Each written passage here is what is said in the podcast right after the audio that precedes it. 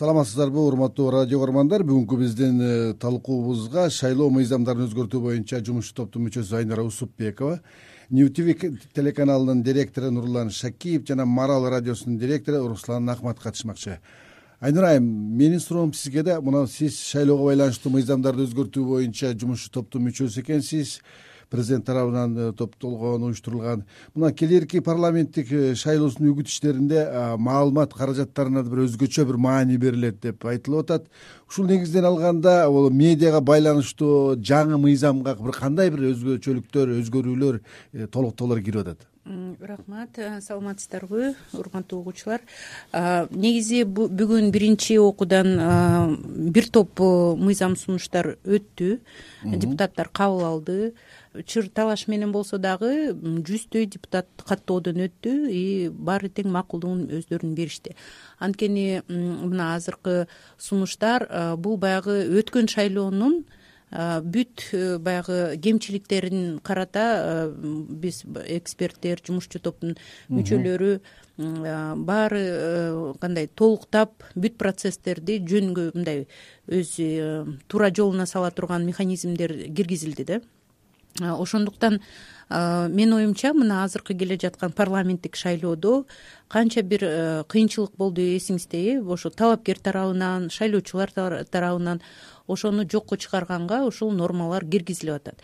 Негизи он биринчи жылдан баштап реформа башталды да. Ошол э, барган сайын мындай бир кадамдан болсо дагы реформа өзүнүн э, алкагына жетти деп ойлойбуз ушул нормалар кирсе бирок ошол эле убакта просто азыр нормага киргизгенчи ошол бир негизги бир нормаларды айтып коюңузчу медиага байланыштуу. Ошол медиага байланыштуу мындай болуп атпайбы? Сиздер билгендей талапкерлер э, шайлоо учурунда медианы көп э, колдонот э мисалы үчүн фонддорунан акчаны э, коротот. Ошол механизмдер бүт баары иретине келген. Анткени мисалы үчүн азыр аккредитация боюнча нормалар мындай Э, точный эмелер берилди да? Кайсы кайсы убакытта мисалы үчүн кайсы э, медиа өзүнүн э, регистрациясы боюнча мындай процедурасы. Андан тышкары мисалы үчүн талапкер бир медианы колдонуп башка кандидатка ушундай шек келтирип баягы мындай туура эмес информацияны берип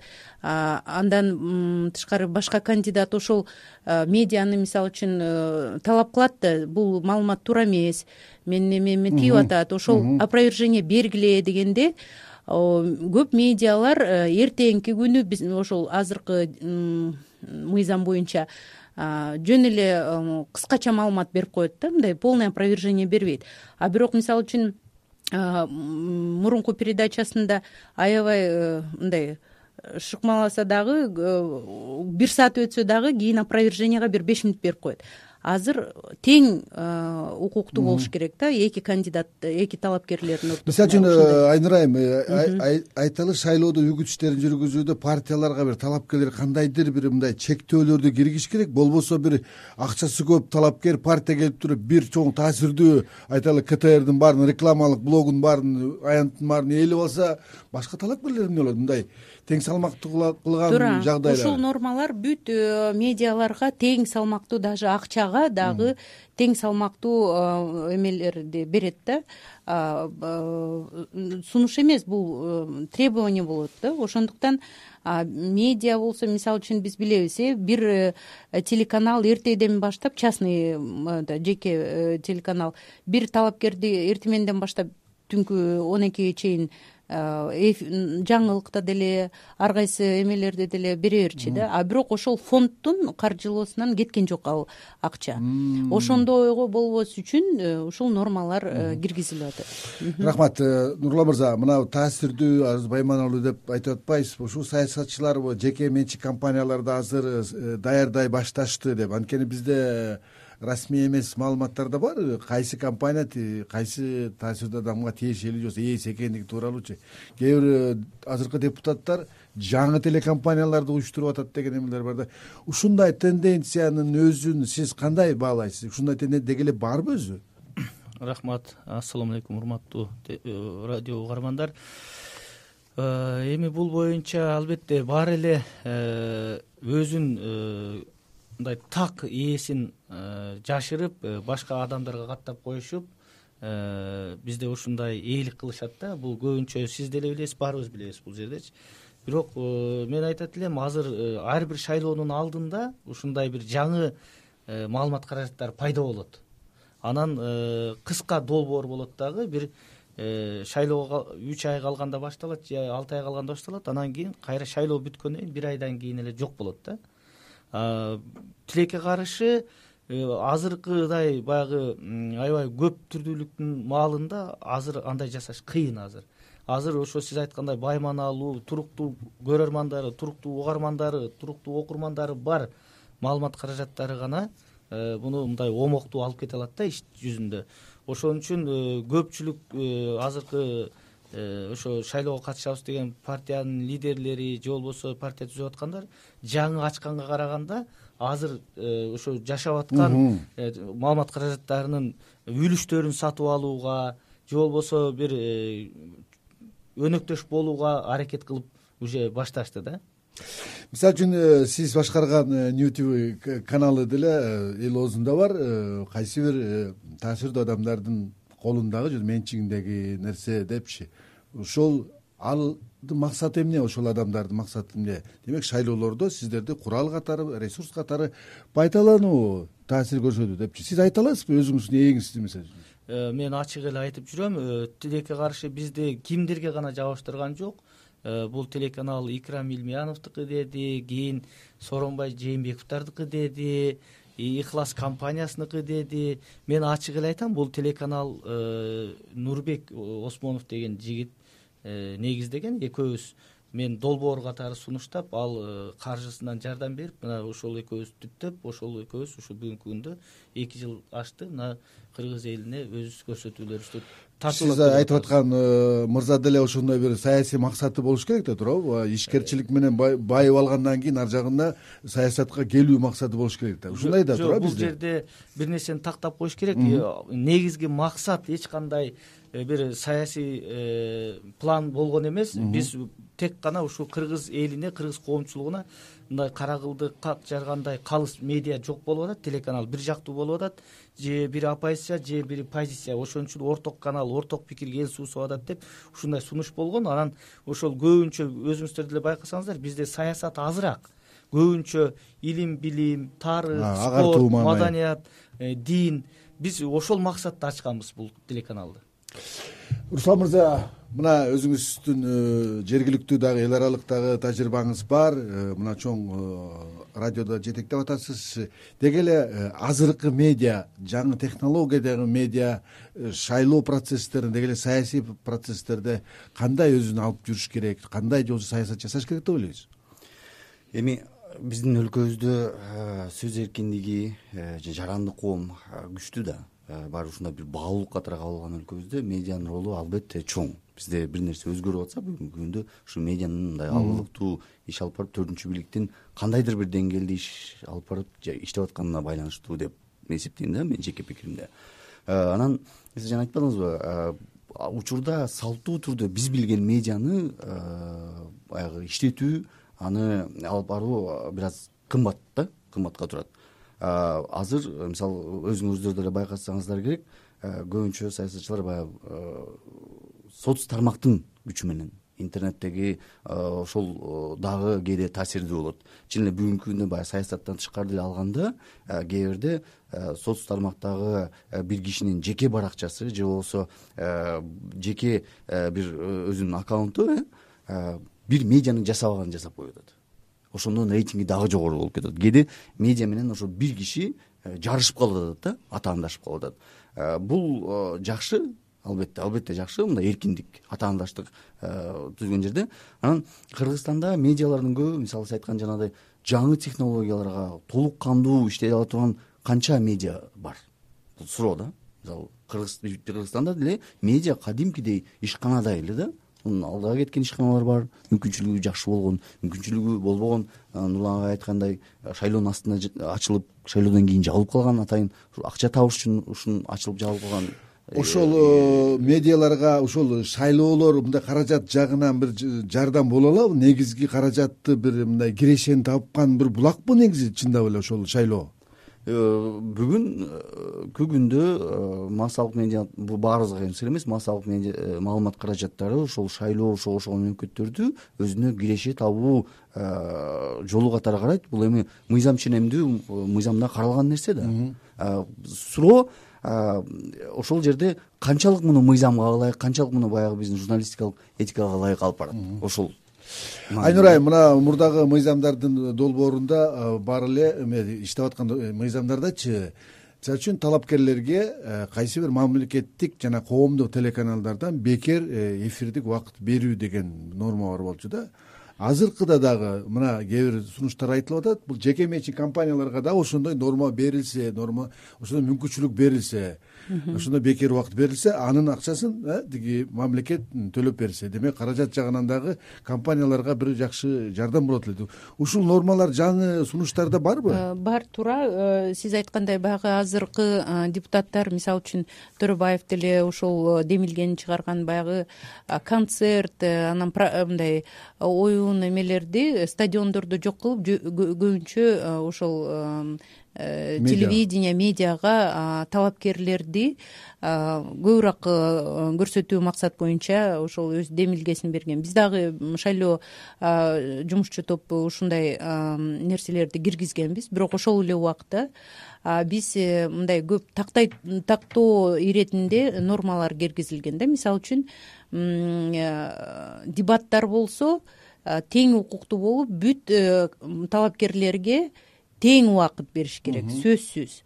Мисалы үчүн э, дебаттарды уюштурганга бүт талапкерлер келип анан кийин баягы ар бирине мындай э, ченемдүү убакыт саатты бергендей да. Ошол бүт баары көбүнчө фондунан каржылоо процессине Э, сөзсүз болуш керек да. Ошондой механизмдерди анан кийин баягы дебаттар э, ар кандай форма болуп атпайбы? Формаларын дагы э, мындай жөнгө салып да мисалы үчүн бири бири менен урушуп талашып кетишет мисалы үчүн э ошондой болбослук үчүн э, көбүнчө баягы программага далилдегенге ушундай көбүрөөк мөөнөттү бергенде ушундай нормалар киргизип атат да. Нурлан мырза мына шайлоо процесси демек ар бир маалымат каражаты даярдык э, көрүп атса керек. Азыр мына концепцияларын жазыпчы. Сиздерде кандай даярдык бар? Мисалы сиз кандай көрүп атасыз? Ошону кантип чалдыруу керек экендигин? Же болбосо бир башка бир чет өлкөлүк бир тажрыйбаларды үйрөнүп атасыздарбы? Кандай жолу мындай мен э, учурдан пайдаланып айнура айымга айткым келет э, сиздин сурооңузга жооп берерден мурун могул бизде интернет сайттар э, массалык маалымат каражаттары катары катталбаган да юридикалык жактанчы. Бирок шайлоого толук кандуу киришет да. Анан ошол толук кандуу маалымат каражаттарынын энчисине тие турган каражаттардын көбүн алат. А эгерде ошолордо мыйзам бузуу болсо ошол кайсы мыйзамдын негизинде ошол сайттар менен соттошот. Кайсы мыйзамдардын негизинде ошолор менен кармашат бул чоң маселе. Буну ушул жумушчу топ эске алыш керек да. Эми э, биз соц тармактарды регуляцияга эч мүмкүнчүлүгүбүз жок да. Анткени булар негизи мындай э, сөз эркиндиктин эмеси да. Жок бирок жана шайлоо процессинде чагылдырууда жана жарнамалык материалдарды жасаганда аларда чектөө болуш керек да укугу. Мыйзамдын негизинде. Айнур айым мисалы үчүн айталы тиги кабар агенттигинин же болбосо ак пресс агенттигинин спутник агенттигинин сайттары бар а? Ошол мисалы үчүн ак пресс өзгөчө көп э, рекламаларды жасаган. Бирок кыргызстандын мыйзамында ал сайт маалымат каражаты катары ал эмеде чектөө эмеледе э, тизмеде жок. Ооба бизди интернетти э, маалымат каражаты азыр бул эми башка мыйзамдын эмесине кирет да э билесиз сми боюнча. бирок ошол мен айтып кетейин ушул тактоо иретинде.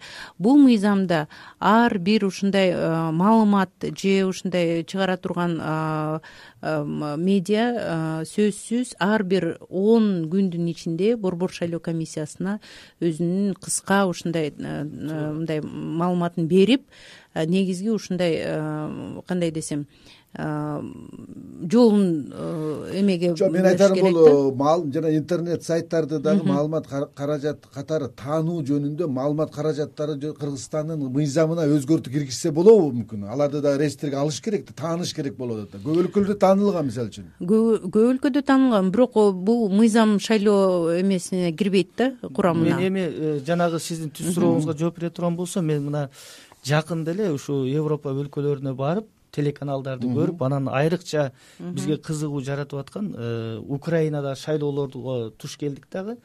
Ошол жанагы могу зеленскийди көрдүңүзбү президенттик шайлоодо киевке келдик да келип анан үч күн жүрүп э, катыштык да ошо көрүп аттык. Ар бир телеканалдагы дебаттарды көрүп аттык да. Эми бир таң калыштуусу бизде ошол украина менен кыргызстандагы коомдогу ачыктык окшош да пост советтик өлкөлөрдүн ичинен. Аябай окшош. Ошол эле учурда сөз эркиндигинин деңгээли дагы мына басма сөз маалымат каражаттарынын деңгээли дагы саны дагы таң калыштуу. Аларда кырк тогуз телеканал бар экен бизде да кырк тогуз телеканал. Окшоштуктар аябай көп. Бирок алар бизден кыйла алдыга кетип калган технологиялык жагынан алып кара турган болсок алардын дебаттарды өткөргөн атайын студиялары дээрлик баардык каналдарда заманбап да. Биз ошолорду көрдүк ачыктыкты көрдүк чектөөлөр жок. Бирок ошол эле учурда медианын күчүн көрдүк. Мына зеленскийдин жеңгени ошол украинада эң э, популярдуу болгон бир плюс бир деген телеканалдын дээрлик эфири бүт баардыгы ошо зеленскийге арналган да украина менен окшоштуруп калдыңызбы ошо зеленскийдин жеңиши мисалы үчүн ошол олигархтардын ээлик кылган телекомпаниялар дагы үгүт иштеринин натыйжасы болду да ушул байкалдыбы албетте албетте байкалды. Себеби дегенде көрүп аттык мына ошол эле порошенконун эки телеканалы бар экен өзүнүн таандык. Бирок алардын көрөрмандары өтө эле аз экен да берки э, каналдарга караганда. Зеленскийлер ошол жанагы айтып атпайбы коломойскийдин акчасы менен иштеди деп. Ошо коломойский деген бул эң бай Э, адам да ал ошол эң популярдуу бир плюс бир деген телеканалдын убактысын сатып алыптыр да руслан мырза мына ушуну украинанын тажрыйбасын бизге эгерде келе турган болсо биз окшош болуп атпайбызбы бизде деле кудайга шүгүр демократиянын э, менчик телеканалдардын таасири күчөп бараткан учурда да ошондой болушу мүмкүнбү Э, бизде бир нерсени дагы биз э, айта кетишели сөзсүз түрдө баягы албетте массалык маалымат каражаттары бул шайлоолордо баягы киреше табабыз деп аракет кылышат. Бирок э, биз бир нерсени унутпашыбыз керек. Булар таза эле кирешени ойлонбойт да. Ар бир массалык маалымат каражатынын өзүнүн бир миссиясы бар өзүнүн бир коомго берем деген бир анткени ал дагы ошол коомдун бөлүгү болуп атпайбы анан келечектеги ошол кыргызстандагы шайлоо ага ал жанагы таба турган киреше жагынан ошол эле ракурстан карабайт да ким келет шайлоого Э, бул келечек кандай болот жаңы шайлоодон кийинки кыргызстан кандай болот деген нерсеге ар бир редакция ар бир ошол жердеги журналисттер өздөрү деле сурайт. Анан албетте бул э, баягы мен э, акчаны алайын анан кийин менден кийин эмне болсо болсун деген нерсе болбойт. Украинадагы окуя биз бүгүн окшоштугу абдан жакшы. Бирок биз жанагы соц тармактардагы Э, биз акыркы могу америкадагы ошол э, жанагы башка франциядагы мисалы тышкы күчтөрдүн дагы кийгилишүүсүн дагы унутпашыбыз керек да. Алардын баягы манипуляция кылып э, биздин баягы өлкөбүздү чаккан ошону дагы бир эске алсак дагы жакшы болобу деген да. Э, нурлан мырза мына э, кыргызстандын э, мыйзамдарына таянып келсек же болбосо кыргызстандагы шайлоонун бир сапаттык жаңы деңгээлге көтөрүш үчүн медианын чоң ролу болуп атпайбы? Сиз айтсаңыз ушу шайлоо учурларында биздин медиа өзгөчө телеканалдар кандай принциптерди кандай бир баалуулуктарды бир бекем кармап сакташ керек же болбосо өнүктүрүш керек? Эми мына руслан мырза туура айтты. Биз ошол маалда жеке эле бир жактуу акча каражаттын артынан түшпөй биз Э, мындай татыктууларга туура мамиле жасашыбыз керек да. Мисалы үчүн кээ бир партиялар бар э, бир утурумдук кызыкчылыкты ойлогон же бир радикалдык топ дейбизби же бир уюшкан кылмыштуу топторго байланышы барбы дейбизби бирок алардын эле акчасын алып алардын кызматын кылбай биз биринчи кезекте улуттук деңгээлде ой жүгүртүп кандай кайсы партиялар келсе коом мамлекет утат эл утат ошол жагына басым жасашыбыз керек биз э, акча деп эле ар бир кандай гана партия болбосун кызматташуу берүүдөн дагы биз алыс болушубуз керек да. Мамлекеттик сезим болуш керек. Акыркы шайлоолордо мисалы жанагы дебаттарбы кандидаттардын ортосундагы дебаттарды баарыбыз көрдүк мисалы мамлекеттик телерадио компаниянын эгер биз бүгүнкү күндө ошол талапкерлерге ошондой бирдей мүмкүнчүлүк таанысак шайлоочулар электорат негизи өзү эле баа берип өзү эле чечип коет шайлоо эткени биз ошол мындай мүмкүнчүлүктү баарына бирдей беришибиз керек болот. Кандайдыр бир деңгээлде камсыз кылышыбыз керек болот. Ошол мүмкүнчүлүктү камсыз кылаган медиада ошол э, талапкерлердин бир мындай э, чыгарылуусуна жардам берип көмөк көрсөтүшүбүз керек экен. Мисалы үчүн сиз айтып атпайсызбы эң татыктуу э, талапкерге а сиз мисалы үчүн медиа болуп ошол татыктуусун кантип далилдей аласыз? Мисалы үчүн көбүрөөк мындай талапкер ага же ошолорду татыктуу деп эсептесеңиз а талапкер бны татыктуу эмес деп анан эфир бербесеңиз дагы болбойт да. Тең укуктуу болуш керек. Сөзсүз аналитика жүргүзүп э, жатканыңызда деле медиалар мисалы үчүн э, негизи бүт талапкерлерге